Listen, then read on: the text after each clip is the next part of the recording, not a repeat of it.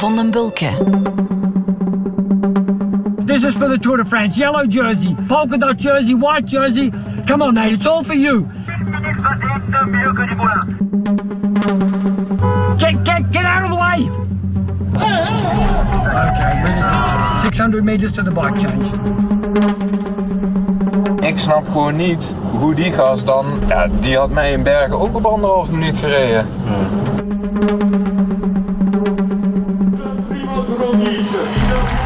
57 seconden. Dat is het aantal seconden dat hij moet goedmaken ten opzichte van zijn landgenoot Roglic. Deze 36 kilometers. Zijn voorsprong is geruststellend 57 seconden. Zeker als je kijkt naar de manier waarop hij de afgelopen drie weken tekeer gegaan is. Today's opening was 9 seconds faster. Opening was 9 seconds faster.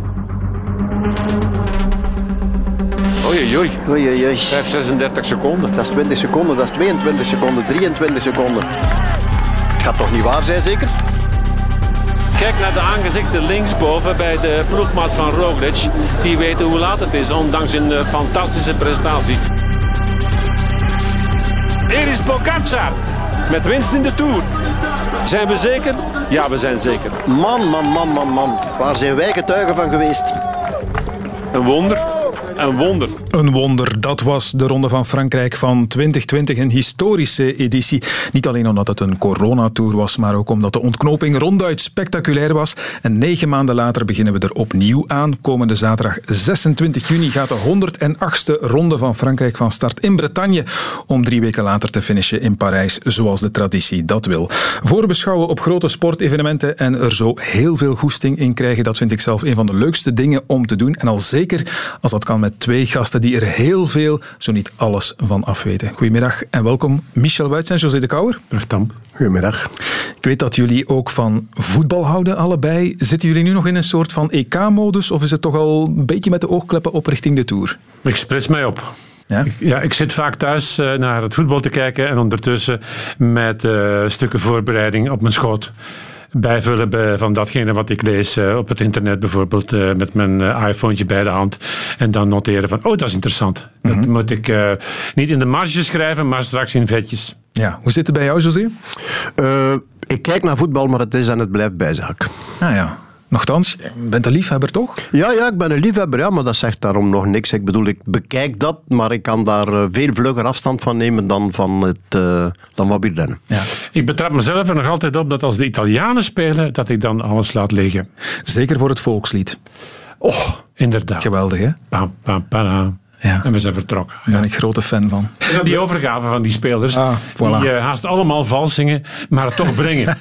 het is dat dat het hem doet, hè. die overgave inderdaad. De grinta spat er vanaf. Dat is wat we gisteren dan weer gemist hebben bij de Belgen, denk ik, uh, José. Want we moeten het zeggen, we nemen deze podcast op op uh, vandaag vrijdag 18 juni.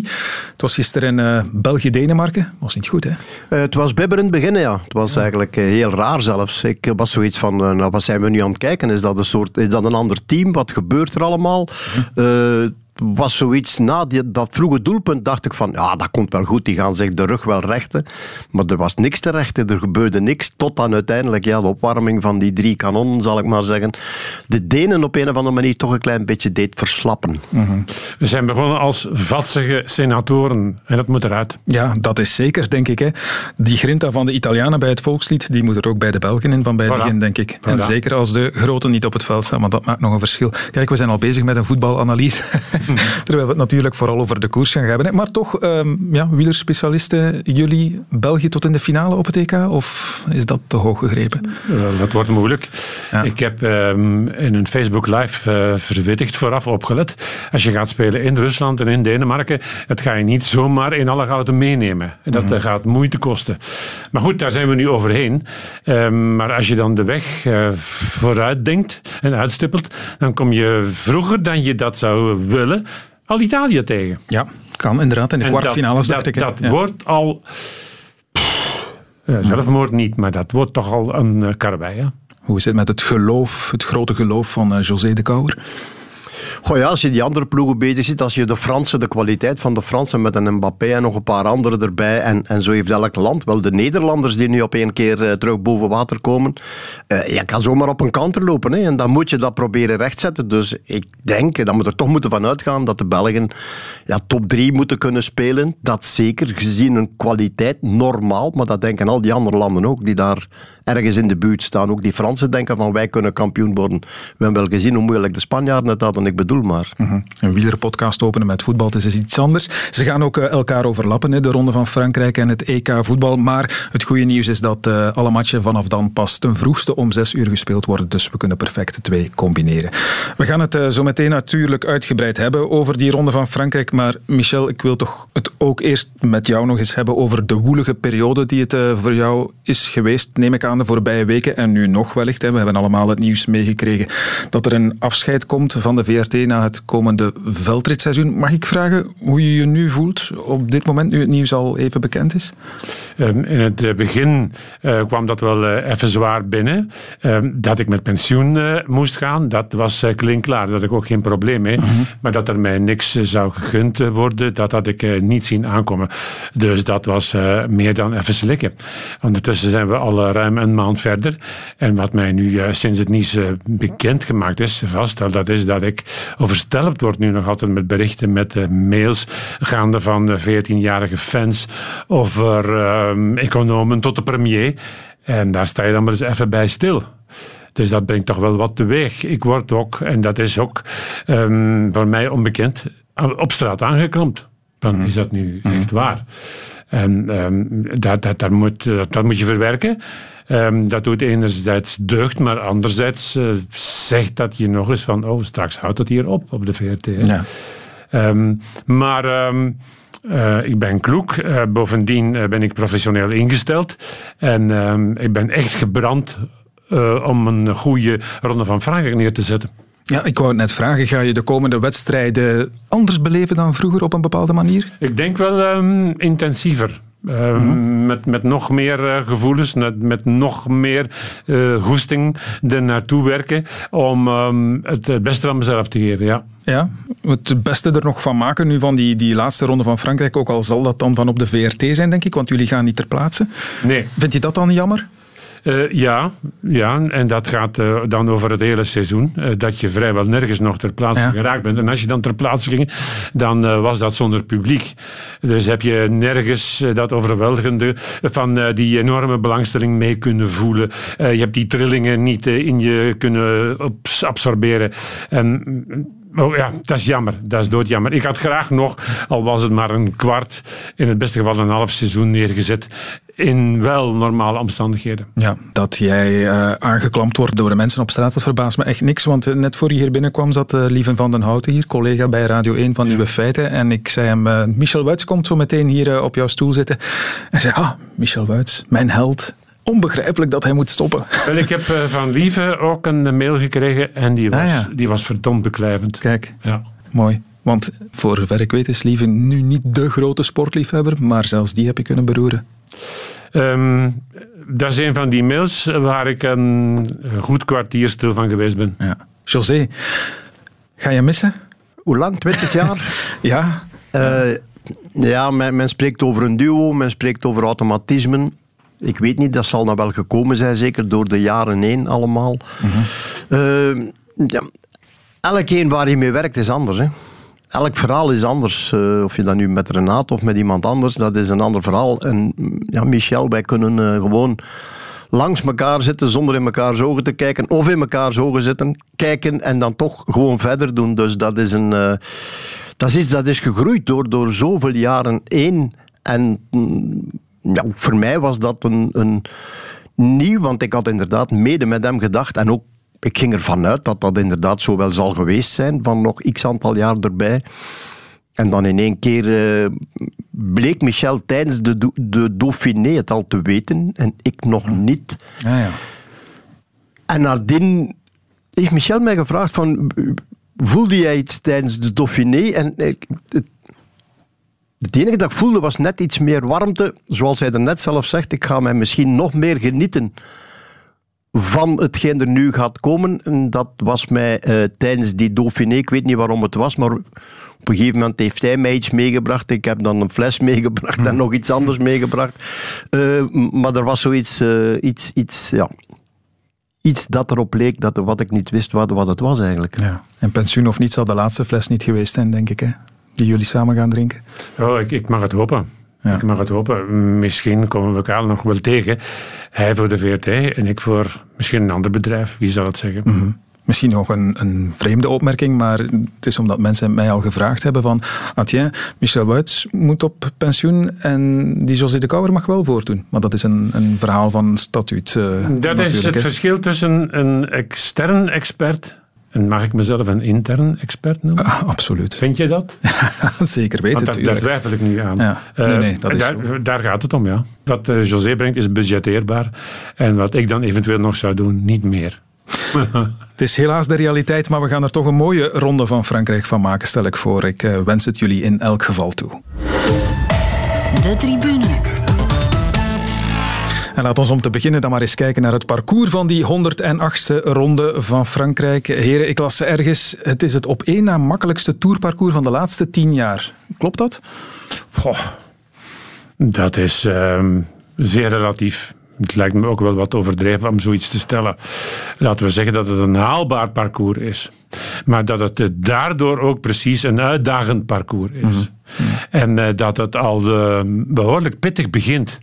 Onderschat Bretagne niet. Eh, Bretagne, Bretagne, daar wordt wind gemaakt en van die wind wordt geprofiteerd. En dat gaat de hele dag op en af. En de twee eh, etappes in het begin hebben al een aankomst bergop. Zowel in Landerneau als op de muur de Bretagne. Ehm, dus het, het, feest wordt daar al opengetrokken.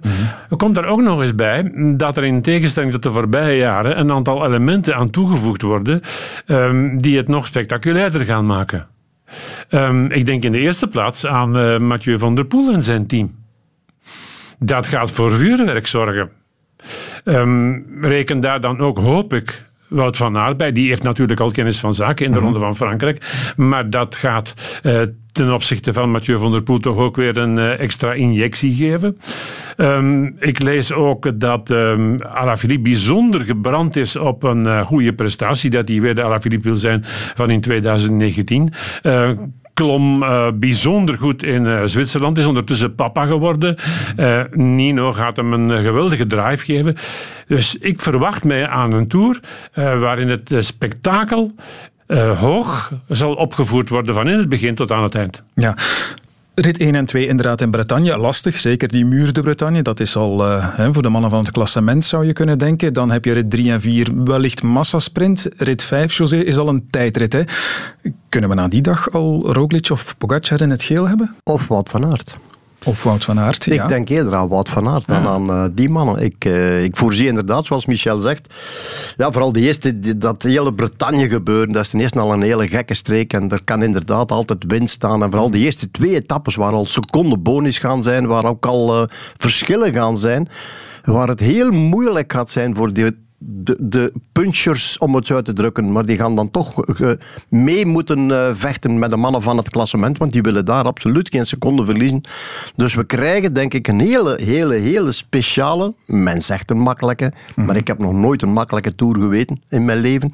Dus ik denk een hele, hele speciale tour die, die ja, toch wel met meer dan twee kan kandidaten zal bevochten worden. En ik ik denk, als er al een gele trui moet zijn na de tijdrit, dat Wout van Aert, tenminste, als Wout van Aert echt, echt in orde is, ja.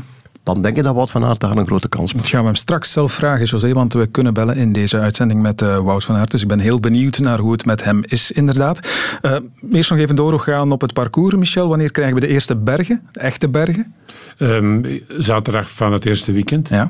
Met een beperkte doortocht in moeilijkheidsgraad in de Alpen. Dat heeft men uh, bewust profile gehouden. Dus ik verwacht niet uh, dat we al klaarheid zullen zien uh, na die eerste passage in de Alpen en na die eerste tijdrit. Over wie is hier nu het alfamannetje bij uitstek. Ik verwacht wel dat men binnen de ploeg waar er twijfel is over het kopmanschap, met name bij Ineos Grenadiers, dat men daar al zal kunnen schiften. Mm -hmm. dat men daar van de vier pretendenten al zal kunnen zeggen van het zal naar Carapaz gaan en dan eventueel ook naar Thomas. En Poort zal zich dan wel in dienst eh, opstellen en um, Gegenhardt met zekerheid. Ja, er worden ook redelijk wat wire-etappes voorspeld. Vooral dan in eh, week 2. Een aantal etappes, meer bepaald voor en na de Mont Ventoux.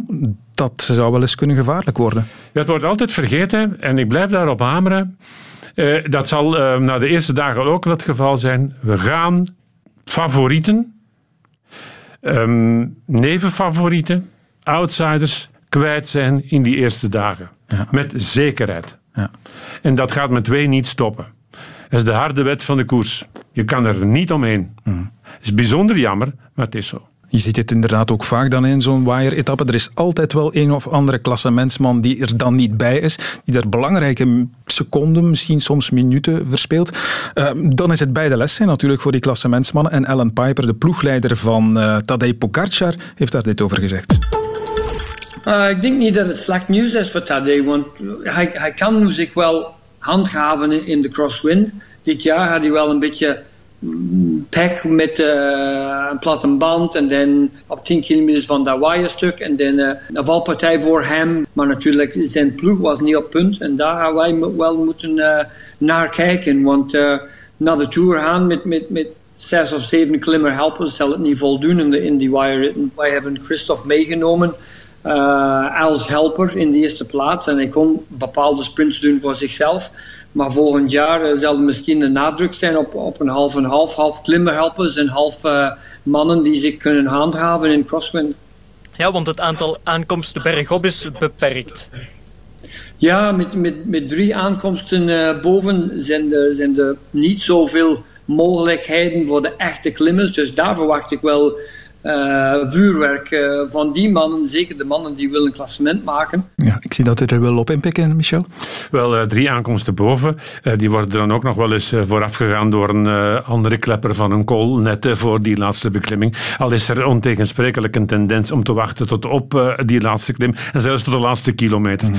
Dus mijn stelling is vanaf nu tot in pakweg de eerstvolgende vijf jaar. Ehm, de snedigheid, de explosiviteit in de laatste kilometer wordt ook voor de klimmende types, voor de klassementsmannen, essentieel. Mhm.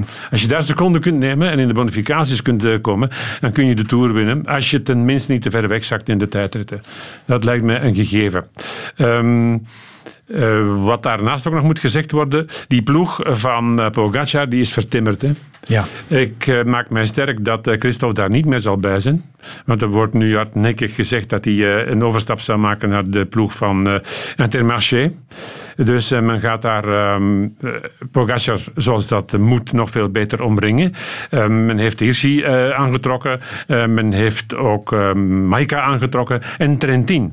Ik denk dat er een bijzonder grote rol voor Trentin gaat weggelegd zijn. Die moet Pogacar in de veilige zone houden in de Ja, we moeten inderdaad bij zeggen dat we op dit moment nog niet alle selecties definitief kennen. Dus dat moeten we even met een slag om de arm houden, om het zo maar te zeggen. José, wat uh, heb jij nog opgemerkt wat het parcours betreft? Ja, we krijgen ook nog twee keer de Van Toe natuurlijk, waar we nakomst krijgen beneden. Daar kijk ik naar uit met ergens een beetje schrik. Malocène. Ja, een beetje schrik. Uh, ik zou eigenlijk voor de veiligheid ze liever zien bovenaan komen hebben, maar uiteindelijk krijgen we toch een aankomst beneden. En dat zou wel eens kunnen... Uh, voor sommigen alles of niets uh, risico's nemen tot en met. Ik hoop, ik hoop, ik hoop dat ze met z'n allen goed beneden komen. Ik hoop dat dat geen Eros Poli-rit wordt. Hè. Uh, Poli is daar ooit eens eh, met al zijn gewicht als eerste boven komen op de van toe.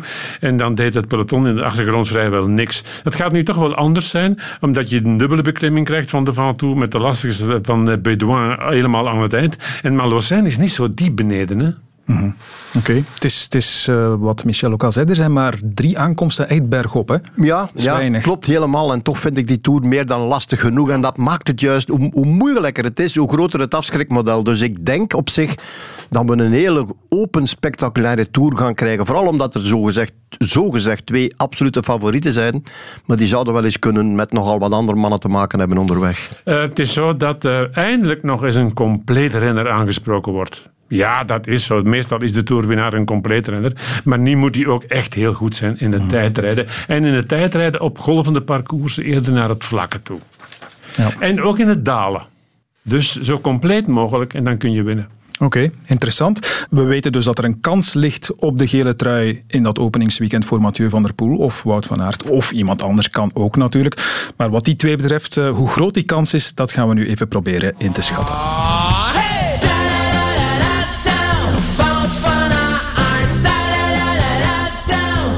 Schuift al maar dichter. Makkelijk, makkelijk, makkelijk. Gaat hij erover? Gaat hij erover? Gaat hij winnen? Gaat hij winnen? Of is het Bolt? Het is Van Aert!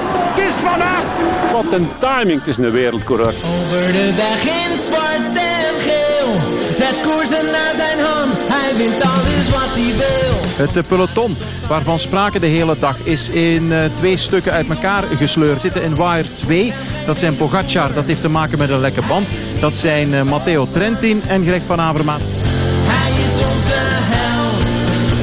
Het midden kwam Brian Kokar of Evan Boasson Hagen. Het is Wout van Aert die nog aan de rechterkant voorbij komt. Als een duivel uit een doos. Die gaat het doen. Bernal? Ja, Bernal wordt bevestigd via de wedstrijdradio. Distance, Ja, ja, distance, ja. dat Ja, is dat een vroege genadeklop. Een Kempenaar rijdt de Colombianen naar huis. Dus een gele trui in het eh, openingsweekend, dat eh, kan een plan zijn voor Wout van Aert natuurlijk. Maar hoe is het met hem? Hij heeft natuurlijk niet de ideale aanloop gekend richting deze ronde van Frankrijk. En we willen maar al te graag weten hoe het met hem is. En kijk, het goede nieuws is, we kunnen hem dat gewoon zelf vragen. Want als alles goed gaat, dan hangt hij nu aan de lijn. Goedemiddag, Wout van Aert. Goedemiddag. Ja, Wout, jij zit in de auto op weg, als ik me niet vergis, van eh, je stageplaats Tienje naar huis, neem ik aan? Dat klopt. Ik ben eh, ja, onderweg naar huis met, eh, samen met mijn familie. En eh, ja, dus het is tijd om terug te koersen, gelukkig. Ja. Hoe is de stage geweest daar in Tienje? Ja, die is goed verlopen. Dat is natuurlijk ook leuk om familie erbij te hebben. En eh, ja, ik eh, hard gewerkt en ehm, ja, er alles aan gedaan wat, binnen, mijn, binnen mijn macht lag om, om de conditie eh, op te krikken. Eh, dat was niet, niet gemakkelijk na, na de tegenslag van, eh, van begin mei. Maar ja, we hebben het maximum eruit gehaald. En, ik heb vooral heel veel zin om terug te koersen. Dus kijk er wel terug naar uit. Ja, die tegenslag begin mei, dat was natuurlijk die blinde darmontsteking die daar plots was. Heb je daar nog enigszins last van? Nee, ik voelde er eigenlijk eh, van ontsteking zelf ook niks meer. Eh, ik heb wel een heel tijdje nog last gehad van mijn buikspieren, omdat die eh, ja, geraakt worden tijdens de operatie. Ehm, ja, en vanaf het begin heel veel last gehad van veel conditieverlies. Ehm, maar, maar, maar de blessure op zich is, is gelukkig met de operatie wel ook snel verdwenen. Ja. Dat conditieverlies, ja, dat is er nu inderdaad. In hoeverre heb je dat de voorbije weken kunnen rechttrekken? In hoeverre is je conditie nu wat ze had moeten zijn? Ehm, ik denk dat die nog niet is wat ze moet zijn. Ehm, het is ook altijd moeilijk te zeggen zonder koers hoe ver ik sta natuurlijk. Maar eh, ja, meer dan oké. Ik denk dat ik wel klaar ben om te koersen. Alleen eh, ja, ik op dit moment eh een week voor de Tour gehoopt eh, ja, de puntjes op de i en ook wat training dan. Terwijl het nu eigenlijk allemaal nog basiswerk is geweest en het algemene niveau opkrikken. Ehm, ja, vermoedelijk zal ik wel meer koersen en anders nodig hebben om, eh, om echt top te zijn. Oké, betekent dat dan dat we de verwachtingen moeten bijstellen richting dat openingsweekend? Oké, want dat eh, plan voor geel, dat was er natuurlijk. Is dat nog een plan? Ja, ik heb, eh, ja, ik heb die ambitie nog niet volledig eh, laten varen. Ik hoop, ja, ik hoop gewoon zo goed mogelijk te zijn en, en met deze conditie alsnog in de buurt te komen van mooie resultaten. Maar ik hou er nu wel in mijn achterhoofd meer eh, rekening ook mee dat het, ja, dat het kan, dat het net iets minder is en dat ik eh, wat meer geduld moet hebben. Maar ehm, ja, die, de Tour eh, die begint nu helemaal volgende week en het duurt weer een jaar voordat die terugkomt. Dus ehm, in dat opzicht heb, ik, heb ik mijn ambities niet bijgesteld en geprobeerd toe te werken en binnen de mate van mogelijk. Ja. Koers je nog voor de Tour, meer bepaald dan het BK van zondag. Ga je daar starten? Ja, ja ik eh, start zondag op BK en eh, ja, ik hoop dat, dat ik eh, de finale daar kan rijden en dat ik daar eh, ja, nog een stap vooruit kan zetten. conditioneel. En eh, eh, ja, ik hoop natuurlijk eh, op een kampioenschap ook eh, als ik finale rijd, eh, dat ik kan meedoen. Maar ehm, ja, ik zeg het is eigenlijk eh, een vraagteken en ik hoop dat ik eh, na zondag eh, een, een, een veel, veel aantal vraagtekens minder heb. Oké, ik kijk even naar de mannen naast mij, want die hebben vast ook wel een eh, aantal vragen voor jou, Michel, José. Ja, Wout. Heb je de voorbije weken accenten gelegd? Explosiviteit bergop. Ik denk aan de eerste rit Landerneau, tweede rit eh, Muur de Bretagne. Ehm, eigenlijk, eh, ja, exact hetgeen wat ik eh, net bedoelde, ja, had ik gehoopt eh, te kunnen doen. Maar ehm, ja, er was nog zoveel werk aan de basis en dan eh, ja, het algemene verhogen van de drempel V2 Max, dat we, dat we daar echt op moeten focussen. En ja, die finishen in het eerste weekend, dat is bij uitstek iets waar ik eigenlijk tijd voor nodig heb. Dat is eh, sprint op het moment dat iedereen al eh, op de limiet zit. Ehm, dus ja, dat is eigenlijk het moeilijkste om te trainen. Eh, dus ja, ik, eh, ik hoop stiekem, maar eh, ik denk eh, ja, dat ik eh, daar tekort ga komen. En hoe vaak heb je de voorbije weken op je tijdritfiets gezeten? In de vallei neem ik aan dan. Ja, eh, afgelopen ja, deel 2 van de stage op de Sierra Nevada en dan hier in Tienje eigenlijk eh, ja, zoveel als ik zou willen. Ehm, dan was ik- volledig belastbaar eigenlijk naar mijn buik toe dan. Dus eh, heb ik eigenlijk al mijn trainingen op de tijdfiets kunnen doen die, die ik wou doen. En ja, dat is eh, natuurlijk met oog op Tokio en eh, op de tijdrit in de Tour. Ehm, die, eh, die staan weer rood aangestipt en daar hebben we wel, ja, die uren heb ik ook kunnen maken gelukkig. Mag ik dan stellen dat je de openingsweek nodig hebt om optimaal te zijn naar de laatste tijdrit? In de laatste week in de Tour? Dus, ja, ik hoop eh, ja, zo goed mogelijk te zijn natuurlijk, maar als, als dat de uitkomst is dat ik tegen het einde van de Tour mijn topniveau haal en inderdaad daar die, die eerste dagen voor nodig ga gehad hebben, dan, eh, dan ben ik wel een gelukkig man. Dus eh, dat is eh, een beetje zoals ik het in mijn hoofd heb en ik hoop dat dat goed uitpakt. Dat eh, hopen wij ook. José? Wel, ik heb je Wout. Hoe, hoe ver en hoe diep wil je gaan in die ronde van Frankrijk met het oog op de Olympische Spelen? Wil dat zeggen aanklampen zoals je dat vorig jaar gedaan hebt en dan uiteindelijk nog terugkomen om weer te komen werken? Of zeg je nu dit jaar, dat zal er misschien net niet bij zijn?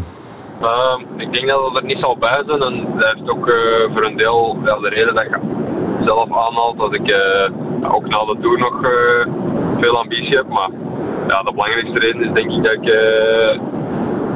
ik nu inschat, ook iets minder bergop rijd dan, eh, dan een jaar geleden. Uh, toen was ik echt op, op de top van mijn kunnen en, en eh, nu zeker nog niet. Ehm, dus in principe zal ja, mijn rol binnen de ploeg eh, iets meer in de, of ja, nog iets meer in de, de en de, de hectische finales liggen. Ehm, en ja, hopelijk eh, hier en daar gewoon eh, wel de benen om zelf voor resultaat te rijden. Dat is, eh, dat is nog steeds de bedoeling. Maar ehm, het, is, het is niet de bedoeling om mij elke dag kapot te rijden. Dat horen we graag. Is het dan niet eh, fijn dat we de beste van aard gaan zien in Rio en in Leuven?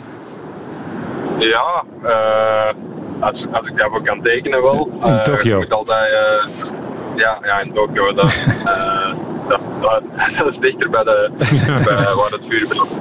Eh, Maar eh, ja, ik, als ik daarvoor kan tekenen, direct. Ehm, alleen ja, is, dat is ook geen exacte wetenschap. En ik heb natuurlijk ja, met die tegenslag wel geprobeerd de knop om te draaien. En, eh, met de focus op, uh, op hetgeen wat wel nog uh, rest. En uh, ja, ik denk dat dat heel veel is. En als, het, als in het najaar blijkt dat ik ja, in de zomer ja, er net niet geraakt ben, maar dat ik wel een heel goed najaar kan rijden, dan, dan is dat ook maar zo. En daar heb ik mezelf niks te verwijten. Dus ja. dat uh, bekijken we achteraf. Wij zitten hier nu met één blinde vlek en jij kunt die inkleuren, Wout. Hoe goed is Roglic? Uh, ja, zoals ik hem altijd uh, gekend heb, volgens mij heel. Uh, ja, we hebben 100% vertrouwen in hem en ik denk zijn voorbereiding is gelijkloos gelopen zoals, gepland. Um, vergelijking met vorig jaar met veel minder zorgen, geen, geen valpartij die, die route in kon gooien. Um, dus ja, ik denk dat hij ook heel veel zin heeft om eraan te beginnen. En eh, hij, straalt, eh, hij straalt heel veel training, vind ik. Dus eh, ja, dat, dat kan ik wel eh, bevestigen dat hij, eh, dat hij er klaar voor is. Waaraan zie je dat? Eén voorbeeld? Ja, ik merk dat vooral aan zijn, aan zijn praatjes. Uh, Primoz nogal uh, dol nogal graag. Dus dat is heel fijn. Oké, we raakten de lijn een klein beetje kwijt, denk ik, maar we hebben het wel begrepen. Ehm, hij is nogal aan het dolle, blijkbaar, Primoz Roglic. Zijn, zijn praatjes. En, en dat, uh, dat merk je dan dat hij in vorm is, blijkbaar. Goed, we gaan het gesprek uh, stilaan afronden, want de lijn wordt er niet beter op. Wout, als je ons nog hoort... Nee, we zijn hem kwijt, blijkbaar. Ik wou nog net vragen, hij gaat zich niet kapot rijden in een Tour, maar gaat hij zich vol smijten in de sprints, in de vlakke ritten? Uh, hij hoeft dat niet elke dag te doen, maar ik heb toch wel een stil vermoeden, hem kennen dus vooral uh, van in de cross, dat hij ons toch gaat verrassen, hoor. Ik denk ergens uh, stiekem uh, groen. Ja? Ver weg. Ja, waarom niet? Dat zal afhangen van de concurrentie. En, uh, Eén keer of doorgaan ervoor? Doorgaan. Dat denk ik niet. Niet, ja, op de momenten dat het kan. Eh, die, kan die kan groen nemen tegen de concurrenten die daar zijn. Gewoon. Ja, Volgens Kijk. mij kan dat. Maar dan moet hij helemaal doorgaan tot Parijs, hè? Ben je er weer, Wout? Hij is er weer, dus we kunnen het hem vragen, ja, denk ik. Ja, José heeft hier net iets opgeworpen, Wout. groen, daarover begon hij. Ja, dat groen, dat ik bedoel dan, een kans kan ik zijn. bedoel dan groen niet uh, om echt uh, te vechten tot er dood, maar dat zou kunnen, gezien de concurrentie. Ja, dat zou kunnen, denk ik. Maar dan moet je tot Parijs natuurlijk. Ja, inderdaad. Uh, eigenlijk is dat iets dat we ja, bijvoorbeeld al ja, niet willen najagen. Dat uh, kan misschien jammer klinken voor de sporters, maar uh, dit jaar uh, met de Olympische Spelen wil ik, ja, wil ik uh, op een goede manier uit die tour kunnen komen. En, ehm, ja, daar heb ik ook, daarvoor heb ik ook aan de ploegvrijheid gevraagd om meer mijn dagen te mogen uitkiezen. dat zou tegenstrijdig zijn om dan toch voor het groen te gaan, waarbij je wel elke dag aan de bak moet en wel elke sprint moet betwisten. Um, ik, denk, uh, ik denk dat het niet realistisch is om zomaar even tussen, tussen de soep en de patatten uh, het groene te halen. Dat is iets waar je zelf voor moet gaan, waar je steun voor nodig hebt. En uh, ja, dat is iets dat, dat voor de toekomst, de toekomst nog te wachten ligt. Met Tokio in het achterhoofd, um, ga je mengen in de Tour in de zuivere massasprints, in, in de vlakkere ritten? Want ja, daar is ook altijd een risico aan verbonden natuurlijk. Uh, dat is eigenlijk niet de bedoeling. Uh, ik denk dat er ja, sowieso heel veel uh, lastigere ritten tussen zitten. Dat er dus geen, geen pure massasprint gaat zijn, ja. waar, ik, ja, waar ik ook meer kans heb. En ehm, ja, die, massas, die dagen met echte massasprints zijn er sowieso mannen die daar een streepje voor hebben. En dat zullen dagen zijn voor mij waar ik hopelijk iets gas kan terugnemen.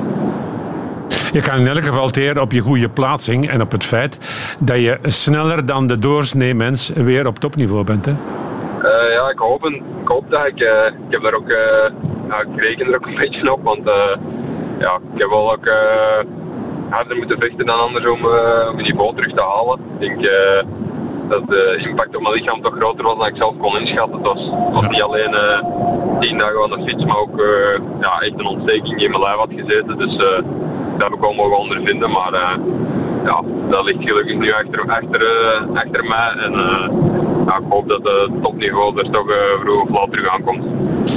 Fijn, met een free spirit eraan beginnen. Dat ja. lost veel op. Ja, voilà. We hebben uh, toch uh, een en ander opgestoken, denk ik. Ja. Het was interessant. Dankjewel, Wout van Aert, om even aan de lijn te komen. Ik wens je nog een goede rit huiswaarts, een goed PK en uh, vooral een mooie tour. En dan uh, zonder kleerscheuren op naar Tokio. Dankjewel om erbij te zijn. Heel graag gedaan. Dag. Dag Wout. Voilà, mannen. Conclusie is wel dat we onze ambities rond Wout van Aert toch zeker in het openingsweekend een beetje moeten bijstellen? Um, het lijkt me de logica. Ja. Slot van rekening zijn die buikspieren op drie plaatsen geperforeerd. En ingreep uh, bij een... Uh, appendixontsteking is uh, gelukkig al helemaal anders dan uh, toen dat in mijn tijd het geval was. Ik heb daar zeven weken van in de ziekenhuis gestoken. Um, maar het blijft wel drastisch doorheen de spiermassa gaan. Ja. En dat hij nu al kan starten, is, is überhaupt wel een succes. En ik, nogmaals, zoals ik hem ken, met zijn uh, verbetenheid en eigen, gaat hij ons verrassen. Ja, ik hoop het. Trouwens... Uh een appendix. In onze tijd was dat nog anders, hè, Michel. Ik ben nog iets jonger, maar, maar ik ben die van mij ook kwijt. En dat was ook een heel gedoe, kan ik je verzekeren. Dat was lang in het ziekenhuis en daarna nog een hele tijd thuis ook. Maar goed, het gaat allemaal veel beter en sneller. En bovendien zijn wij natuurlijk uh, geen mannen zoals Wout van Aert, die wonderbaarlijk snel herstelt van dat soort dingen. Mm, ik niet, maar jij? Maar toch ook niet meer, vrees ik. Toch ook niet meer. De meest kranige is misschien nog wel deze José de Kouwer hier uh, in Ik de heb de appendix nog. Ah, kijk, kan er voilà. niet van meespreken. Voilà. Alles nog intact bij uh, José. Alles is veel. toch genoeg, denk ik. Goed, uh, we gaan overgaan naar uh, Mathieu van der Poel. Want als we Wout van Aert zeggen, dan zeggen we automatisch ook Mathieu van der Poel. Zo gaat dat nu eenmaal. Het kan bijna niet anders dat Mathieu een rol van belang gaat spelen in uh, de Tour. Dat hebben we gezien in de Ronde van Zwitserland, waar hij uitstekend op dreef was. Dan gaan we ook maar eens proberen te horen in het kamp van Mathieu van der Poel. Daarvoor gaan we bellen met de ploegleider van Alpecin Phoenix. En dat is Christophe Roodhoofd. Dag Christophe. Hallo, goedemiddag. Goedemiddag van mezelf en van uh, wegen Michel Wuits. Dag Christophe. José de Kouwer die er ook bij zitten. Dag Christophe. Dag Michel, dag José. Christophe, hoe staat het met de voorbereidingen richting de Tour? Oh goed, denk ik. We zijn net ingepakt, dus uh, wat dat betreft alles op schema. Oké, okay. is de selectie al rond? Uh, bijna. waar, waar zijn de tussenpunten nog, mogen we dat uh, weten? Ja, we zitten toch wel een beetje met het geval Jasper Philipsen, met die mm -hmm. valpartij van afgelopen week moeten we toch nog even in het oog houden uh, hoe dat hij evolueert. Ja, hij is geblesseerd geraakt in, uh, in, de Ronde van België. Het ja. was aan zijn knie, hè, dacht ik. Ja, klopt, klopt. En er was een diepe vleeswonde, maar er was ook wel echt een beetje reactie van de, van de knie zelf. Een echte ontsteking. En ja, we gaan nu af de komende dagen kijken hoe dat evolueert. En dan zien, uh, maandag zien wat dat we ermee doen. Heeft hij nog kunnen fietsen sindsdien? Ja, hij heeft al wat gefietst, dat wel. Ja. Maar fietsen en trainen of trainen en koersen is allemaal nog natuurlijk anders. Wat denk jij? Gaat het gunstig evolueren? Gaat het erbij zijn? Want ik denk dat je hem goed kunt gebruiken, zeker in de openingsfase. Ja, uh, ik ga ervan uit dat, dat Jasper erbij is, eerlijk gezegd. Ja. Maar het is een blessure die toch uh, voorzichtigheid uh, vraagt. Geen risico's dus. Um, Tim Merlier gaat er ook bij zijn, nemen we aan. Dan trek je naar de Tour met uh, Jasper Philipsen en uh, Tim Merlier. En dat is dan toch een vraagstuk dat zich meteen opwerpt. En misschien ook al meteen beantwoord is. Want wie gaat er sprinten of mogen sprinten voor de bloemen als Jasper niet helemaal top is door die blessure? Ah, van, de, van der Poel. Van der Poel. maar goed, ik, ik, oh ja, ik, heb het maar... eerst, ik heb het in eerste instantie over de, gewoon, de, de pure massasprint, zeg maar. Ik neem aan dat jullie daar dan de kaart Merlier trekken? Ja, dan, dan zijn we al rit 3 en 4 uh, als ja. we dan deze specifieke tour bekijken, volgens mij dan toch. Ja. En ja. Uh, voor ons als ploeg is uh, rit 1 en 2 extreem belangrijk, omdat dat twee aankomsten zijn die Mathieu van der Poel dan weer echt liggen. Mm -hmm. Dus ja, wat dat betreft gaan wij kijken hoe dag 1 en 2 verlopen. En daar zal ook dag 3 en 4 uiteindelijk van afhangen. Ja, voilà. Met wie we, we kunnen sprinten en... Terecht, en ook dag 3 en 4 zijn, zijn ook verschillende aankomsten eigenlijk, uh, waarvan de ene volgens mij uh, Merlier beter ligt en dan de andere, in Fougère, die ligt volgens mij Jasper Philipsen dan weer veel beter. Of Mathieu van der Poel. Als de beste van der Poel geel grijpt, en dat zou zomaar eens kunnen in Landerneau en ook op de muur de Bretagne, dan... Uh, Gaat hij dan mee in de trein voor Merlier? Want Pontivy en Fougère, ritten 3 en 4, die moeten Merlier inderdaad goed liggen. Ja, maar dat is natuurlijk dan uh, de vraag die zich uh, opdringt, uh, hoe dat we dat dan specifiek gaan aanpakken. Hè. Het, ik vind het moeilijk om een gele trui en dan een gele trui die Mathieu van der Poel noemt dan bij in die trein te zetten. Dat is, vind ik moeilijk. Mm. Um, zeker gezien zijn ambities voor de Olympische Spelen, onze ambities voor de Olympische Spelen dan ook nog. Um, moeten we daar heel goed kijken wat we doen. Maar het moet jou toch wel een geweldige kick geven dat je met je ploeg daar nu staat en dat je hier al kunt spreken over drie troeven. Ja, klopt. Uh, dat is inderdaad aangenaam, maar het is natuurlijk ook uh, toch wel een beetje onze eigen verdiensten en uh, loon naar werken voor een stukje toch wel.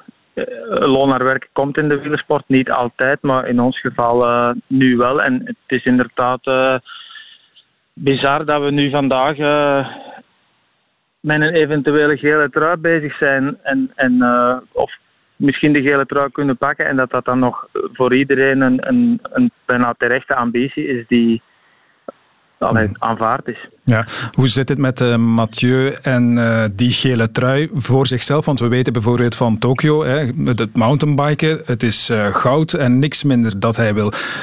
Is dat ook zo wat die gele trui betreft? Is hij daar echt hard mee bezig? Mm, niet zoals uh, Mathieu bezig is met dat goud in, uh, op de mountainbike. En ook niet zoals hij bezig is met uh, wereldkampioen worden in het veldrijden. Dat zijn ja. totaal andere disciplines. De, de weg naar, naar die eventuele overwinning in die sporten, dat, dat loopt anders. Um, in, in de Tour of eender waar een wegkoers is sowieso onzekerder. En er zijn er veel meer factoren die je niet in de hand hebt. Um, dus wat dat betreft denk ik uh, dat daar meer realisme en ambitie uh, aanwezig is bij hem dan uh, in die specifieke doelen die hij toch wel in die meer individuele takken van de wielersport heeft. Ja. Er komt een emotionele factor bij. Zijn grootvader greep nooit geel. Nee, maar zijn vader wel, dacht ik toch. Ja. Um, dus wat dat betreft denk ik dat hij sowieso beter zou willen doen dan zijn vader. Wat me logisch lijkt. Ik denk dat iedereen zo is, of toch minstens even goed. Ja. En ja, dat feit dat zijn grootvader het niet, er niet in geslaagd is. Uh, maar dan nog denk ik dat Mathieu vooral voor zichzelf wel eens een dag in het geel wil staan. Ja. ja. Rijdt hij de Tour uit? Want ja, die Olympische Spelen zitten in, dus uh, in zijn hoofd, zoals we weten. Ja, de combinatie is bijzonder moeilijk, maar ook daar weer, uh, we gaan kijken wat dat er uh, voor ons weggelegd is in die eerste week. Ja. En uh, is dat geel, is dat groen, is dat een kans op groen? We gaan dat op een nuchtere manier bekijken richting de eerste rustdag en dan zullen we wel zien. Mm Hoe kan de Tour van een toegevoegde waarde zijn voor Mathieu van der Poel richting Tokio, richting de cross-country in het mountainbiken ten opzichte van Pitcock en andere tegenstanders? Waarschijnlijk niet erg veel. Misschien moeten we dat enkel houden op uh, algemene conditie. En uh, is het misschien zo dat als hij pakweg twee weken toer achter de rug heeft en dan goed fris richting de cross-country kan uh, op de Olympische Spelen, dat dat hopelijk voldoende is. En competitie iets, is iets waar hem altijd de surplus gebracht heeft aan, aan conditie. En we gaan er een beetje vanuit dat dat nu ook zo zal zijn. Ook al beseffen wij natuurlijk wel uh, dat de weg nu richting Olympisch goud veel moeilijker is of veel complexer is uh, dan een jaar geleden. Maar goed, het is wat het is nu. Vanwege?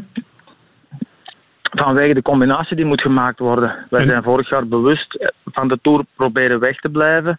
Om uh, ons volledig te kunnen concentreren op ja. de Olympische Spelen. En door de omstandigheden is dat nu anders geworden. Maar nu moeten de beiden op uh, zo hoog mogelijk niveau doorgaan voor ons. Oké. Okay. Zelfde vraag misschien nog eens voor uh, wat Tim Merlier betreft. Want hij is in de Giro natuurlijk wel op het feit gebotst van oei, een koers van drie weken lang is wel wat anders dan wat ik gewend was. Hoe lang kan hij het uitzingen? Of is het de bedoeling dat hij er op een bepaald moment gaat uitstappen? Voor Tim Merlier uh, is uh, de ambitie een rit winnen en de Tour uitrijden de hoofdzaak. Ja. Ja. Toch wel. Oké. Okay. Dat kan, hè. zeker dat eerste. Ik bedoel, hij is nu echt wel bij die top, hè? Ja, uh, ja, ja. Die zucht zegt iets anders, ik denk. Ja, ja. Ja, Tim is inderdaad... Uh, doet mee op het hoogste niveau. Waar, waar twijfel maar, je aan? Oh ja, ik weet niet. Uh, toch nog even afwachten. Ja. Vanwege de moeilijkheidsgraad in de Tour en de bezetting. Ja, alhoewel dat uh, de Giro wat dat betreft uh, misschien wel een beetje een waardemeter was mm. voor hem. Uh, het is altijd afwachten. Maar ja, met Mathieu denk ik dat onze ambities wel mogen uitgesproken worden. En met Tim mm. gaan we proberen een rit te winnen. Maar ik vind het toch nog een nuanceverschil ja, om over die twee dingen te praten. Eigenlijk. Lijkt me zeer verstandig, inderdaad. José, jij nog een boodschap uh, voor Christophe? Ja, nee, ja, dat klopt helemaal. Hè. Dus uh, ik denk dat Ricard daar een heel belangrijke rol gaat in spelen. De manier als Merlier kan beginnen op het moment dat hij wil beginnen of moet beginnen op de juiste positie, dan denk ik dat hem inderdaad meedoet. Maar een toesprint is geen Giro-sprint. Eh, de aanleiding naar de sprint is totaal anders dan het peloton dat hier aanwezig is van sprinters is echt enorm groot. En iedereen zal denken van een rit te kunnen of te willen winnen. Dus de positionering zal eh, heel moeilijk en totaal anders zijn dan in de Giro. Voilà. Ja, en daar zijn we ons ook van bewust natuurlijk. En eh, we werken daaraan, maar dat is niet evident. En eh, hoe dat moet weten we natuurlijk allemaal, maar dat het dan ook zo loopt, dat is dan eh, dikwijls weer een heel ander paar mouwen. Hè. Het is aftellen nu. Heb je er zin in, Christophe?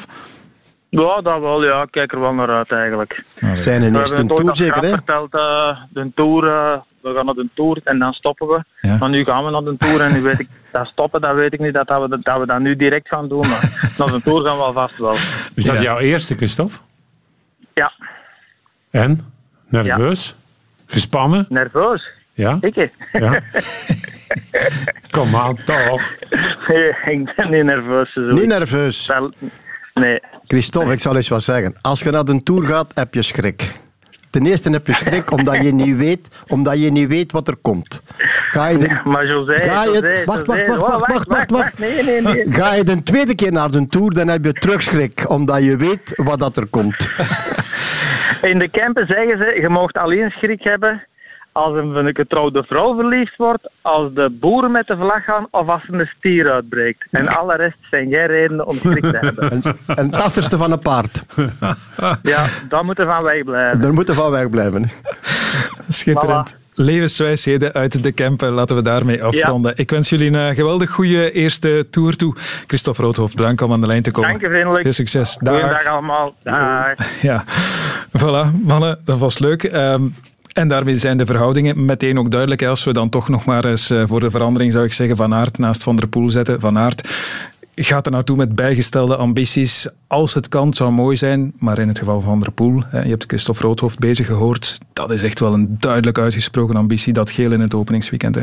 Misschien is dat het eh, juiste signaal op het juiste moment naar ons, mannen van de pers toe, om ze eens voor een keertje niet tegen elkaar uit te Ja, spelen. voilà. Voilà, inderdaad. Weet je wat het straffen is? Adrie van de Poel droeg de gele trui, maar nooit op het podium.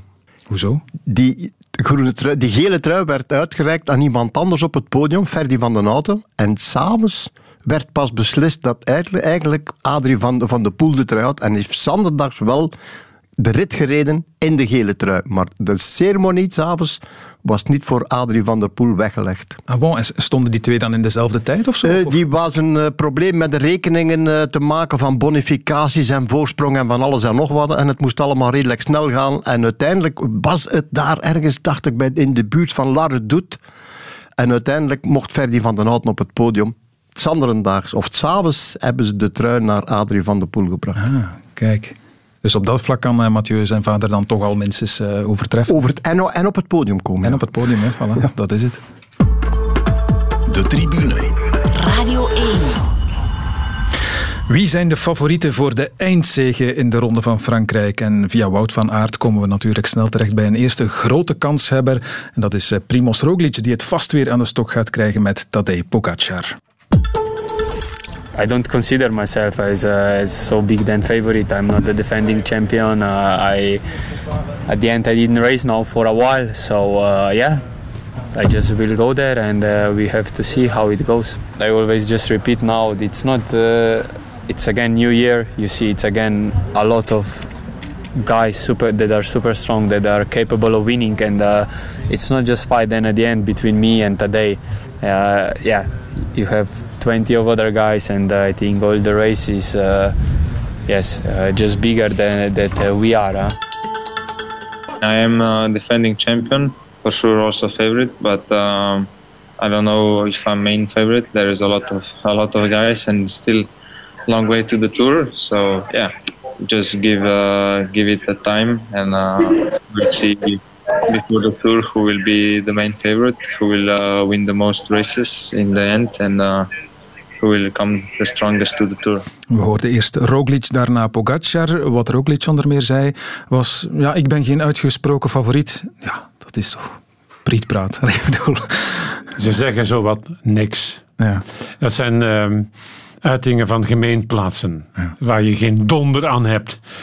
En dat, uh, is denk ik door het uh, feit dat ze zich uh, gedwongen moeten uiten in het Engels. En dat ze er niet helemaal machtig zijn en dus niet kunnen nuanceren. Maar dat is wat jammer. Daar, ja, maar hij zegt daar toch wel van... Dat, alleen, dat kan toch niet met zijn Engels te maken hebben dat hij zegt van ja, ik ben geen uitgesproken favoriet. Daar weet hij toch wat hij zegt, denk ik. En oké, okay, ja, als je Roglic bent, ben je sowieso favoriet. Ik kan, daar gaan we toch niet flauw over doen. Laten we zeggen dat dat de reflex is van de coureur. Um, vertel zeker de waarheid niet. Ja. Want uh, stel je voor dat je daarop gepakt wordt achteraf. En dat je jezelf uitgeeft als de grote favoriet. Ja, uh, dan zit je in zak en as. Kom aan zeg. Of misschien, José, wil uh, Roglic hiermee het gewicht al vooral bij Pogacar leggen. Bij zijn ploeg misschien ook. Gaat er meer naar dat team gekeken worden om de koers te dragen? Ja, kijk, oké, vorig jaar was Pogacar de winnaar. Dan in die hele laatste of die voorlaatste etappe daar met die tijdrit. Eh, terwijl Roglic eigenlijk de man van de Tour was die aan de leiding stond. Nu vertrekken ze. De een heeft gewonnen, de andere was tweede. Maar is daar nu verschil tussen? Ik denk dat ze eigenlijk even ver staan. Het enige dat erbij gekomen is, dat is dat uh, Pogacar vorig jaar de Tour gewonnen heeft en dat dat tot het jaar ervoor nog altijd niet aan de orde was. Zijn ze alle twee favoriet? Absoluut. Mm De ene niet meer dan de andere voor mij. Het is niet omdat Pogacar gewonnen heeft dat hij nu in één keer voorsprong heeft. Hij heeft op sommige punten voorsprong. Roglic heeft dan qua team, denk ik, uh, daarom niet direct beter, de ploeg. Dat ga ik niet durven zeggen. Maar heeft er een paar bij, zoals een Sepp Koes, die op hele moeilijke en belangrijke momenten een rol kan spelen. En ik weet niet of Pogacar zo iemand erbij heeft. Zijn team is wel versterkt, hè? Van Maika, Hirschi, ja, ja. Uh, Trentin vind ik ook uh, een versterking. Niet uiteraard voor de laatste beklimmingen, maar wel in valleien. En vooral, uh, ja, ja, gaat hij erop staan? Dat is nog een vraag tegen misschien. Ja. Dus het is zoals je zegt, het is altijd wachten tot het uiterste moment, alvorens die uh, samenstellingen van die teams uh, te kennen. Dus dat is altijd koffiedik kijken. Maar laten we stellen dat er toch uh, drie teams in staat moeten zijn om het peloton te controleren. En dat is genoeg om eigenlijk in de strijd voor de eindzege, voor geel, niet veel te zien. Tenzij, tenzij een van die teams zegt van, gooi het over een andere boeg. Uh, wij gaan voor uh, Guerrilla kiezen. Mm -hmm. Wij gaan, uh, ik denk aan Ineos, wij gaan Thomas op die twee Slovenen zetten en we laten Carapaz move, attackeren en zien waar het schip strandt. Mm -hmm. Dat zou ik interessant vinden. En dat is de juiste man ervoor. Hè? De juiste man op de juiste plaats. Ja, die, Carabas, durft, ja. kan, ja. die kan dat, die durft dat. Die heeft dat vorig jaar gedaan in de Ronde van Spanje. Uh, ja, is een uh, kerel die het echt dat in zich heeft en die, uh, die daarvoor geschikt is, denk ik. Dus ik denk dat we deze keer mogen spreken. We spreken over de twee grote namen, Roglic, Pogacar, maar dan vooral de mannen van Ineos die een heel belangrijke rol kunnen spelen. En dan komen daar nog, nog altijd uh, ja, Lopez en nog andere renners bij. Dus we zijn nog niet aan het einde. Hè. Nee. Um, Thomas, met die twee tijdritten zou je zeggen een streep voor. Het gaat toch over uh, 60 kilometer daaromtrent. Maar ik vond zijn tijdritten in Romandie en de Dauphiné uh, iets of wat tegenvallen. Dat was niet overweldigend in elk geval. Een keertje derde worden en een keertje top vijf vind ik niet genoeg. Uh, je moet dan toch naar de Tour met het gevoel van... God, wat was ik daar fantastisch. Het is natuurlijk al een tijdje geleden. Hè? Die twee tijdritten waar we nu over spreken. Dus er zou kunnen een betere Thomas aan de start kunnen. Alhoewel dat zou logisch we de zijn. laatste jaren nog niet echt de Thomas gezien hebben, vind ik. Um, waar ik ook zeker van ben, ondanks die uh, ja, um, voor uh, Roglic uh, waanzinnig slecht verlopen tijdrit aan het eind op La Planche de Belfi. In de tijdritten die zich nu aandienen, is Roglic de best geschikte. Mm -hmm. Als je spreekt over Roglic Pogacar. Daar ben ik zeker van. Hoe gaan ze het aanpakken? Inderdaad, dat is wel de vraag, denk ik. Hè. Jij spreekt van guerrilla misschien bij Ineos Grenadiers. Is dat een realistisch strijdplan, denk je, José? Ja, ik denk het wel. Absoluut. Ja. En uh, zoals Michel net al zegt, Pogat, of uh, Roglic in die tijdrit, vooral ook in die laatste tijdrit, en ook de vorige, die ervoor, misschien de betere van Pogacar, alhoewel dat nog moet blijken. Stel dat dan toch in de eerste tijdrit Pogacar de betere is van Roglic, ja, dan krijg je een hele grote stresssituatie naar die laatste tijdrit toe. Uh, dus om het nog eens te laten uitkomen op die laatste tijdrit, dat weet ik niet. Daar zullen ze allemaal een beetje schrik van hebben, denk ik. Dus ik denk dat er al heel veel werk gaat verricht worden voor die laatste tijdrit. Want als het daar nog eens moet gebeuren, dat is gevaarlijk. Uh, noteer maar, in die eerste tijdrit uh, gaat Roglic 27 seconden nemen op Pogacar.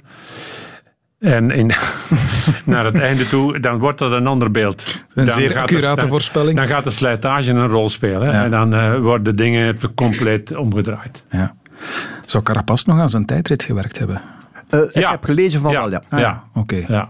Want dat En, is eh, wel niet onbelangrijk natuurlijk hè, in dit verhaal. Er is zelfs eh, bij zijn woonplaats een piste gebouwd waarop ge- waar hij zijn positie op eh, afgesteld heeft. Maar ze gaan dus, eh, oké, je hebt Carapaz, je hebt Thomas, dan heb je ook nog Poort, ja, die, die wint de Dauphiné. Maar Poort heeft met klare en duidelijke woorden aan het eind van de Dauphiné gezegd: Goed, ik heb mijn buit nu binnen. Eh, mijn collega's, kopmannen voor de Tour, kunnen 100% op mij rekenen. Ja. Maar misschien, er kan altijd onderweg iets gebeuren waardoor dat weer verandert, maar dit is wel het uitgangspunt, duidelijk. Uiteraard, Dat weet Ja. eh, Poort beter dan wie ook. Ja. Ja, en dan krijg je natuurlijk die etappes hè, waar de wind op een of andere manier een rol kan spelen en waar dan een ploeg met, met pech, vorig jaar hebben de mannen van Jumbo weinig of geen pech gekend, maar een Tour zonder, zonder pech is eigenlijk bijna abnormaal. Dus hetgeen eh, vorig jaar Pogacar is overkomen, zou ook wel eens iemand anders kunnen overkomen en dan krijg je een andere strijd. Het kan ook je verdienste worden in je ploeg, hè? dat je er zonder eh, kleerscheuren uitkomt.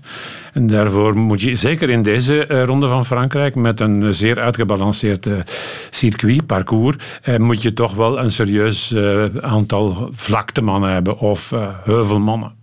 Tippen Rowe, tippen Van Baarle. Ja.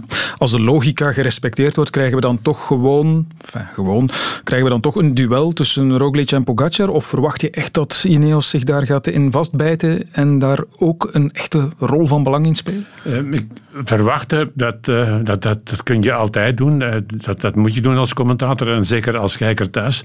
Maar je kan ook alleen maar hopen. Hè. Ja. Je kan eh, inderdaad hopen dat die van Ineos een totaal ander plan uitwerken. Niet dat stoomtreintje gaan opzetten, maar ehm, gaan eh, aanvallen daar waar dat kan.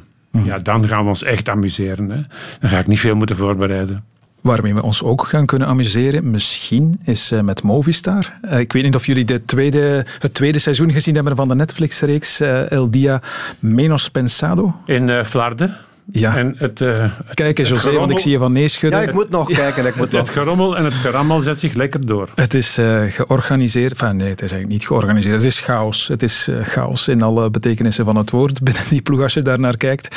En ik vraag me maar af wat het nu gaat worden, want oké, ze gaan met eh Enrik Mas, maar ze hebben er nu ook die eh, Lopez bijgezet. Maar dat schijnt te matchen. Dat hebben wij toch in de Dauphiné mogen vaststellen. Hè? Dat ze een eh, plekje wil kennen. Op voorwaarde dat de oude eens een keertje zijn ding mag doen. En eerder snel dan niet een etappe kan winnen. Dan heb je het over Valverde. Ja. Ja. En hij krijgt heeft het voor Mas. Maar ik heb hem ook mooie dingen zien doen voor eh, Lopez. Hmm. In de Dauphiné. Dus dat zat goed. Dat zat beter dan met Quintana. Want die zat daar helemaal niet op zijn gemak. Ik denk dat we een hele, hele aparte tour krijgen. Het is altijd hetzelfde verhaal natuurlijk, maar gezien de samenstelling van deze etappes, er zijn zoveel ploegen die denken op een of andere manier van een etappe te kunnen winnen en te moeten winnen. En ik denk dat we vrij veel aanvallen gaan krijgen en dat er misschien wel eens een eh, hele rare tour zou kunnen zijn als ploegen te veel naar elkaar beginnen kijken, als ze elkaar beginnen in de gaten te houden. En dan kan er een, een moment zijn dat er iemand gebruik kan maken van een ander team. Het zijn van eh, Movistar, het zijn van Astana. Dus er zijn wel wat mogelijkheden, denk ik. Ik denk niet dat de grote strijd, die zal er natuurlijk zijn tussen Jumbo en tussen, eh tussen Pogacar. Maar ik zou toch oppassen. Ik zou toch oppassen voor onderweg ergens Ik denk dat niet. door naar elkaar te kijken. Ik denk dat niet dat er een grote strijd gaat zijn tussen eh, Jumbo en tussen UAE. Volgens mij worden dat natuurlijke bondgenoten.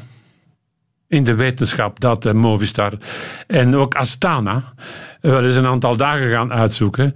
Waarop eh, zij ook een soort van bondsgenoot gaan sluiten met een van de troompretendenten. En vol voor de aanval gaan en iemand in het verlies kunnen rijden.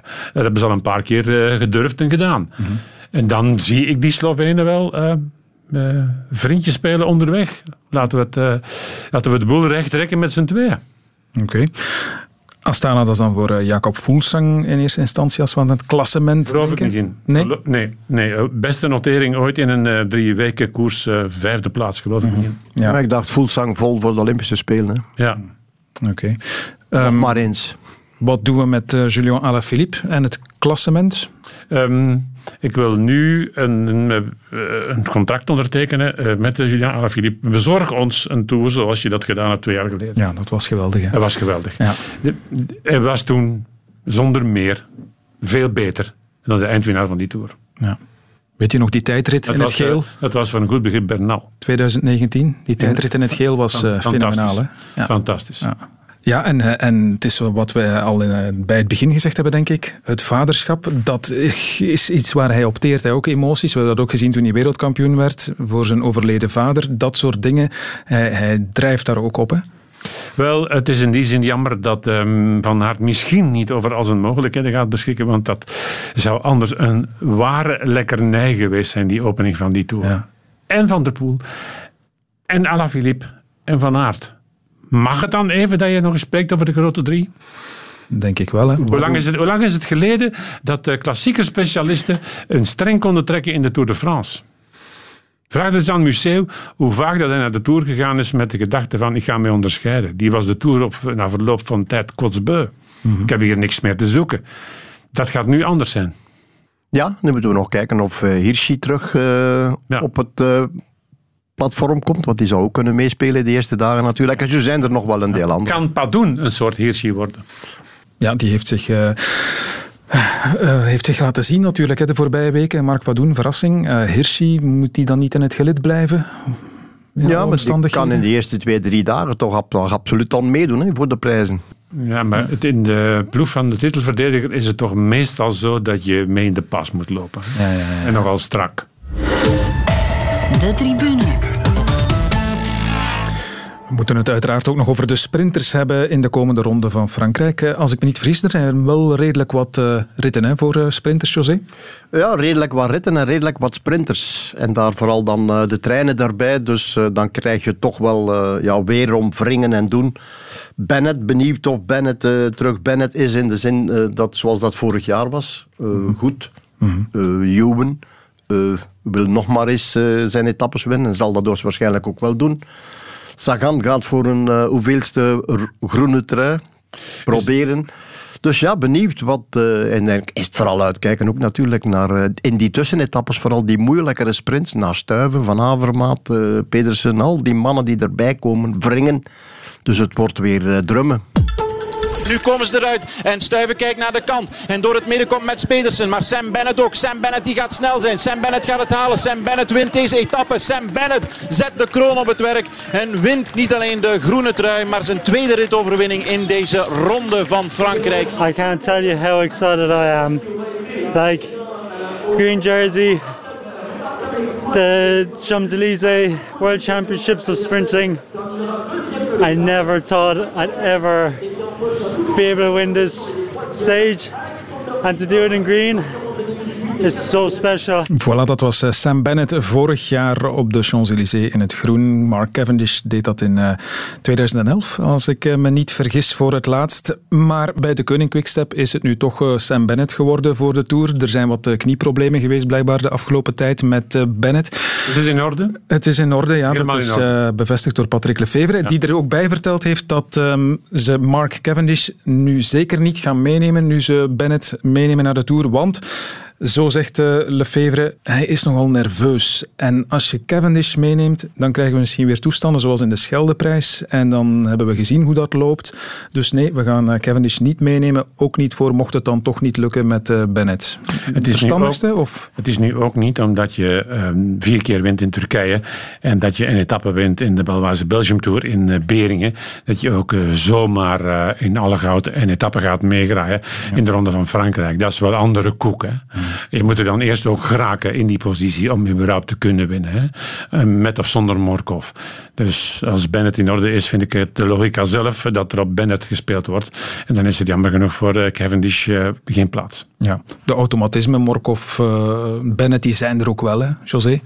Ja, fenomenaal. Hè? Ja, als je dan eh Cavendish bezig hoort van ja, ik heb eindelijk eens kunnen sprinten met Morkov. Ja, zo is het niet moeilijk. Als je in zijn wiel zit, dan kan je winnen. Dat is natuurlijk makkelijk uitgelegd, maar zo is het allemaal niet natuurlijk. Maar het is wel een fenomeen, Morkov. Dus eh, mochten veel anderen in die positie zitten, dan, eh, dan is de kans daar dat je kan winnen. Maar Bennett is wel voldoende voldoende snel. Alhoewel Ewan vind ik nog altijd de snelste is. Dat heb ik ook, dat gevoel dat uh, inderdaad Caleb Ewan van al die mannen toch, als het recht op aankomt, in de, laatste, 100, in de laatste 100 meter ja. moet je daar niet aan twijfelen. Ja. Um, er is um, geen snellere probleemoplosser dan Ewan. -huh. uh, kan als een uh, ratje uit een gaatje komen dat voor anderen ehm, niet op te vullen is. En hij glibbert daar fantastisch tussendoor. maar er zijn ook sprints waarin hij toch wel riant tekort gekomen is vorig seizoen. Dus zo oppermachtig is hij nu ook weer niet. -huh. Om vooraf te stellen, Merlier of een Van Aert, die zijn kansloos tegen een Ewan. Dat vind ik niet. Jullie zien niet één sprintkoning voor deze Tour? Die rol kan verdeeld worden over verschillende prinsen, zal ik dat maar zeggen? Voor mij is het nog altijd zo dat uh, het tijdperk uh, Greipel, Cavendish, Kittel, dat is er nog niet. Ik zie op dit ogenblik bij alle sprinters uh, niet iemand van dat superieure niveau. Als Kittel goed was, dan kon je vooraf stellen vier ritzegers. Als Cavendish goed was, dan kon je mikken op zes. Mm -hmm. Bij Greipel was je altijd goed voor zeker twee in de betere gevallen drie. Dat kun je nu van deze mannen vooraf niet zeggen. Te meer ook, er zijn inderdaad redelijk wat sprinterskansen, maar die liggen verspreid. En hoe groot gaat de gretigheid zijn bij, die, bij de sprintersploegen? Gaan ze talrijk genoeg zijn om iedere potentiële sprint ook tot een sprint te laten komen? Ja. Of ja. worden dat overgangsetappes? Ja. In de Giro kregen de aanvallers vaak een vrijgeleide, maar de Giro is de Tour niet, hè, José? Nee, dat klopt. Ja. En twee keer een sprint verliezen kan in één keer een ander beeld geven. Hè. Misschien als bijna twee keer verliest, dat men de kaart Ballerini gaat trekken in een andere soort aankomst of in een andere etappe, bijvoorbeeld om weg te rijden met een groepje of zo. Dus dat zou perfect kunnen. Hè. Dus uh, de vraag is, wie wint die eerste sprint? Is dat met overmacht of niet? Gaat men de tweede dag dan terug opnieuw hetzelfde doen? We zitten daar bij DCM met de Bol, maar ze hebben er ook ene Kra Anderson. Mm -hmm. Minder voor de sprint, maar dan meer voor, uh, voor aanvalswerk. Dus benieuwd. Ja, we gaan het ook wel dit jaar weer om zo'n mannen krijgen die zich uh, profileren als uh, een van de betere. Ja, we hebben daarnet gehoord hoe Christophe Roodhoff toch een beetje aarzelend sprak over Tim Merlier als het ging over ja, echt winnen in de Tour. Waar plaatsen jullie Merlier in dat uh, krantje van toppers in de Tour dan weliswaar? Want dat maakt wel degelijk een verschil. Hè? Uh, qua intrinsieke snelheid staat hij zeker meer bovenaan. Maar uh, wat blijft er van die intrinsieke snelheid over als het uh, parcours lastig is? Uh, als de snelheid zeer hoog gelegen heeft de hele dag. En als de vermoeidheid zich gaat opstapelen. Ja. Dat ja. is ook voor Christophe Roodhoff koffiedik kijken nu. En ik denk dat hij dat maar al te goed weet. En vandaar ook de twijfels die je hoorde bij hem. Ja. Als hij kan winnen, dan misschien eerder in het begin van de ja. Tour, rit 3, rit 4, José? Ja. ja, daar gaan we vanuit, ja, absoluut. Dan, uh, en dan zorgen, proberen, proberen tenminste, zoals ik net al zei, positioneren is in de Tour nog veel, veel hectischer dan, uh, dan in de Giro. En je had het in de Giro al niet echt makkelijk daarmee met positioneren. Mm -hmm. Dus dat wordt in de Tour alleen nog maar moeilijk. Maar als hij daar zit, ergens op 200, 250, mag, mag het nog zijn van de streep in een, uh, in een mogelijkheid om aan te gaan eenmaal op gang is hem uh, moeilijk af te stoppen. Het is in elk geval de sprinter van de pure schoonheid. Hè? Mm -hmm. Het is een, uh, een zegen om naar te kijken. Hè? Hij is uh, in de linea recta, in die rechte lijn. er beweegt niks. Dus straal naar voren kijkend. Ehm, met een charme die een ander niet haalt. Het is formidabel om naar te kijken. Mm -hmm. Het doet mij aan Petaki denken. Hè? Ja. ja. Cavendish noemt hem de snelste. Hè? Ja, op dit moment. Ja, maar... Als er iemand recht heeft van spreken, als die ja. ernaast zit, zal hij wel uh, voelen hoe het zit. Maar het voelt natuurlijk voor Cavendish ook prettig aan dat hij op zijn wat oudere dag kan zeggen: van, ja, dat is de rapste, maar ik heb hem nu wel geklopt. Een massasprint binnen is nog niet de groene trui binnen. José, je hebt al een ballonnetje opgelaten daarnet bij Wout van Aert voor die groene trui, maar uh, dat lijkt toch niet plan A te worden. Misschien wordt het wel plan A voor uh, deze, Peter Sagan. Sagan die in de Giro weer kon winnen. Pieter, congratulations. This was not only a sprint, but uh, it looks like a, a, team victory from 100 kilometers to go, isn't it? Yeah, for sure. Today, I think it was very good day for us, and we try our best. I have to say thanks to all my teammates, Borans Grohe. They did impressive job. They dropped some sprinters. It was not enough to drop everyone, but in the end, I won, and I'm very happy for that. What are the elements that make you a winner today and you were not a winner before? Uh, I think miss some luck. Another day when Caleb uh, won second stage, I was very good. It was uh, uphill and I had very good legs. I started from a little bit back. I had very good speed, but after I was close on the, on the barriers. And uh, luckily I didn't crash. Peter Sagan, uh, hij had het onder meer over zijn ploeg, die hij bedankte omdat ze onderweg uh, hard gewerkt hadden om andere sprinters overboord te gooien. Als hij opnieuw wil winnen, nu in de Tour, zal het ook weer zo moeten wellicht. Hè? Want pure snelheid tegen, in, de, in de zuivere massasprint. Dan wordt hij derde of vierde. Ja, voilà. En uh, veel dichter zie ik hem dan niet komen. We gaan over uh, de waarde van Sagan al meer weten in de eerste etappe. In de tweede etappe, mocht hij die uh, vijf, zes jaar geleden gereden hebben, dan zou je al op voorhand kunnen gezegd hebben van hij gaat dat winnen. Ja. Ik denk wel dat we hem wel weer een volwaardige kandidaat voor groen mogen noemen. Altijd. Ja. Pas op anderhalf Altijd. jaar geleden, twee jaar geleden, hadden we dat misschien niet gezegd. Ja, maar Michel? toch. We hebben er wel een tijdje getwijfeld maar, aan toch, maar, maar het zal stilaan moeilijker worden. Dat is overduidelijk. Hè? Maar de vraag is, krijg je een valabele tegenkandidaat? Wil iemand uh, die opoffering brengen om dat dag na dag te blijven doen? En hoe lang hou je dat dan vol? Uh, ja, Bennett heeft dat ondertussen bewezen. Maar ik acht Sagan toch nog altijd in staat om, om dat uh, waar te maken. Um, ik geloof wat dat betreft ook in Colbrelli.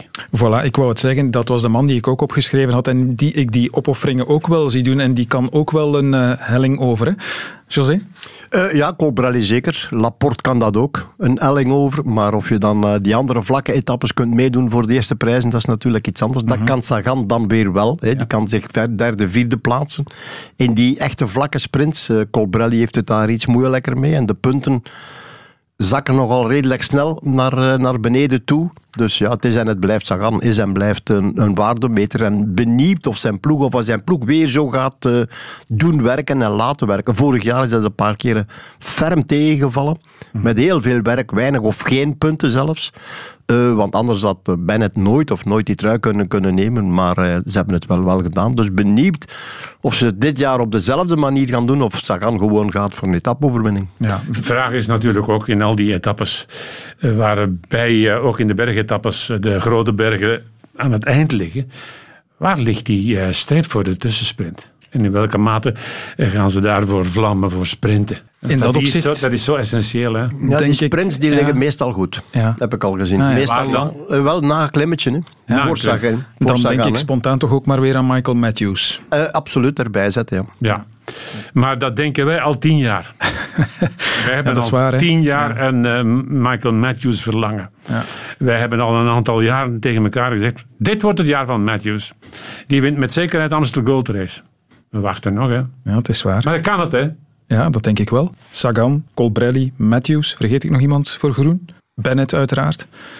Ja, laat, laat ons daar beginnen. Hè. Die vier, hè. Benieuwd. Ik denk dat ze bij de Koning, uiteraard, ze hebben daar met Alaphilippe, hebben ze natuurlijk een man waar ze alle kanten mee uit kunnen. Dus benieuwd in hoeverre Alaphilippe, jij sprak er net over een klassement rijden of gaan voor een klassement. Ik denk, denk zelf niet. Ik denk eerder op spektakel. Hij wilde de Olympische Spelen niet rijden. Maar ik denk eerder dat hem er een spectaculaire tour van gaat maken. Hoop zit, ik tenminste. Hoe zit dat met Demar? Goeie vraag. Demar is ondertussen toch al een uh, rijpe jongen. Um, zou hij dat uh, kunnen verwerken? Om naast de winst of jacht op etappezeges wat verder te denken? Of is hij daar nog altijd te kwetsbaar voor? In een echt grote rittenkoers hebben we hem niet meer gezien de laatste tijd. Ik Globaal in het COVID-jaar van ja. vorig jaar zou ik gezegd hebben van ja, daar zat de snelste. Ja. Dat is de strafste die ik bezig gezien heb in de Giro d'Italia toen. Mm -hmm. Tegen toch wel schoon volk. Het was echt impressionant. Rit gewonnen nu in uh, juni in de, de route d'Occitanie. Hij is aan het uh, verzamelen. Ja. Laat weliswaar, maar ja. ik verwacht er ook wat van. En uh, ja, in de Boucle de la Mayenne, dat was eind mei, heeft hij zowat alles gewonnen wat er te winnen viel. Drie van de vier ritten.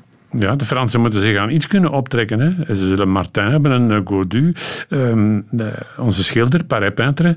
um, ja, dan Demare. Ja, voilà. Van de Fransen naar de Belgen, om dan stilaan af te ronden. Want oké, okay, we hebben hier al uh, Tim Merlier vernoemd, Jasper Philipsen ook heel even, Wout van Aert, maar voorts zijn er nog niet veel namen van België gevallen. Hè. Wat wil dat zeggen? Vergeet ik ineens een uh, aantal mensen? Of... Tim Welles doet jammer genoeg nee, niet voilà. mee. Dat uh, kwam abrupt. Ik schrok daarvan. Um, de Gent heeft dit uh, seizoen nog geen Gensters laten rondschieten. Dus ik hoop dat dat uh, in de Ronde van Frankrijk komt. En dan hoop je dat er in de selectie een jonge Belg geplaatst wordt die zich dan onderscheidt in zo'n Ronde van Frankrijk. Mm. Ja, maar dan moet je ook echt hopen dat hij dan ook een vrijheid krijgt. Want meestal worden dan jongeren ingeschakeld in een globaal plan. En dan eh, wordt er vooraf gezegd van je doet niks anders dan dat. Je bent vandaag wingback en daar hou je je aan. We blijven toch uitkijken naar, eh, naar eh, ja, Stuiven, naar Misschien Teuns. is er een Humphries bij, hè? naar Steuns, naar eh, Van Avermaat, naar die mannen blijven we toch uitkijken natuurlijk. Stuiver rijdt goed naar verluid. Ja, die moeten het toch allemaal doen. Hè? Die moeten toch proberen die etappe te winnen. Dus eh, die, die, die, er zijn hier in principe, ik ga niet zeggen kansen, maar er zijn toch wel kansen om, eh, om in een van die etappes echt mee te spelen voor de overwinning. Maar het is vorig jaar bewezen dat dat niet makkelijk is. Er was daar aan het eind nog één semi-vlakke etappe waarin alle Belgen die dachten een etappe te kunnen winnen, met stuiven erbij, en naast die zaten mee in die lange vlucht. Was daar toch weer een Søren Kragh Andersen bij en ze hadden het zitten.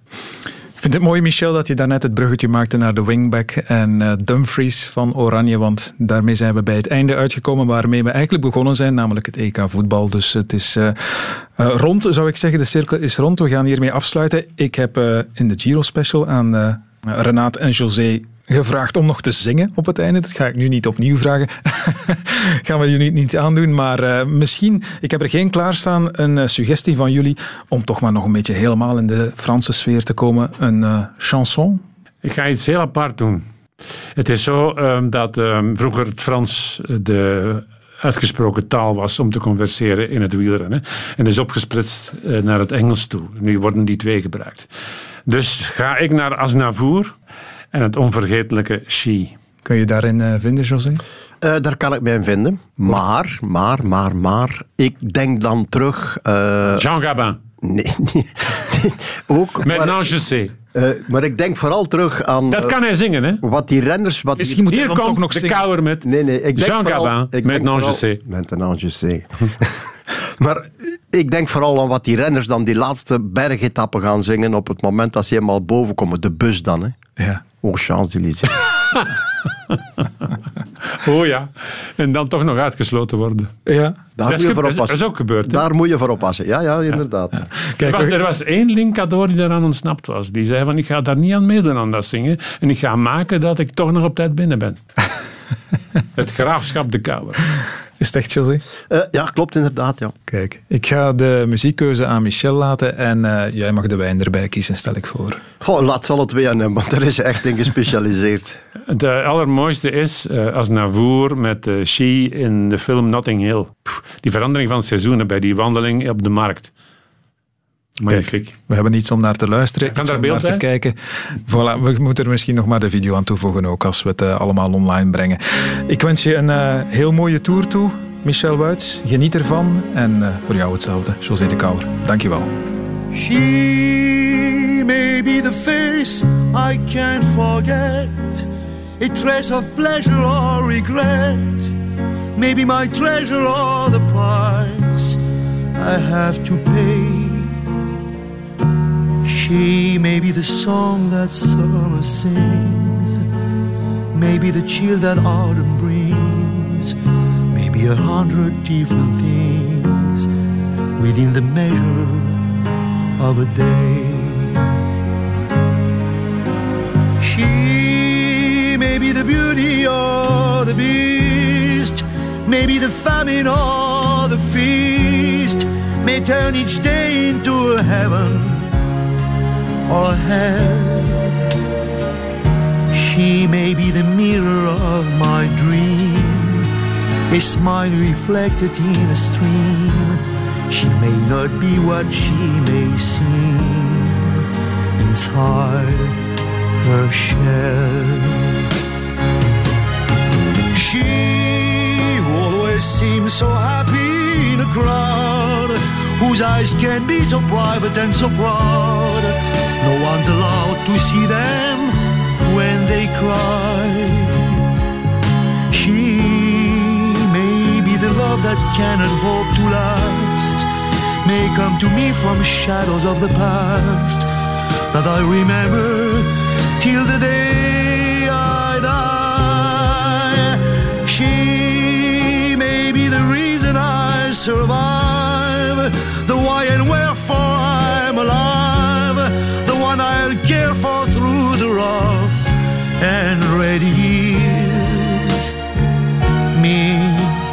I'll take her laughter and her tears and make them all my souvenirs.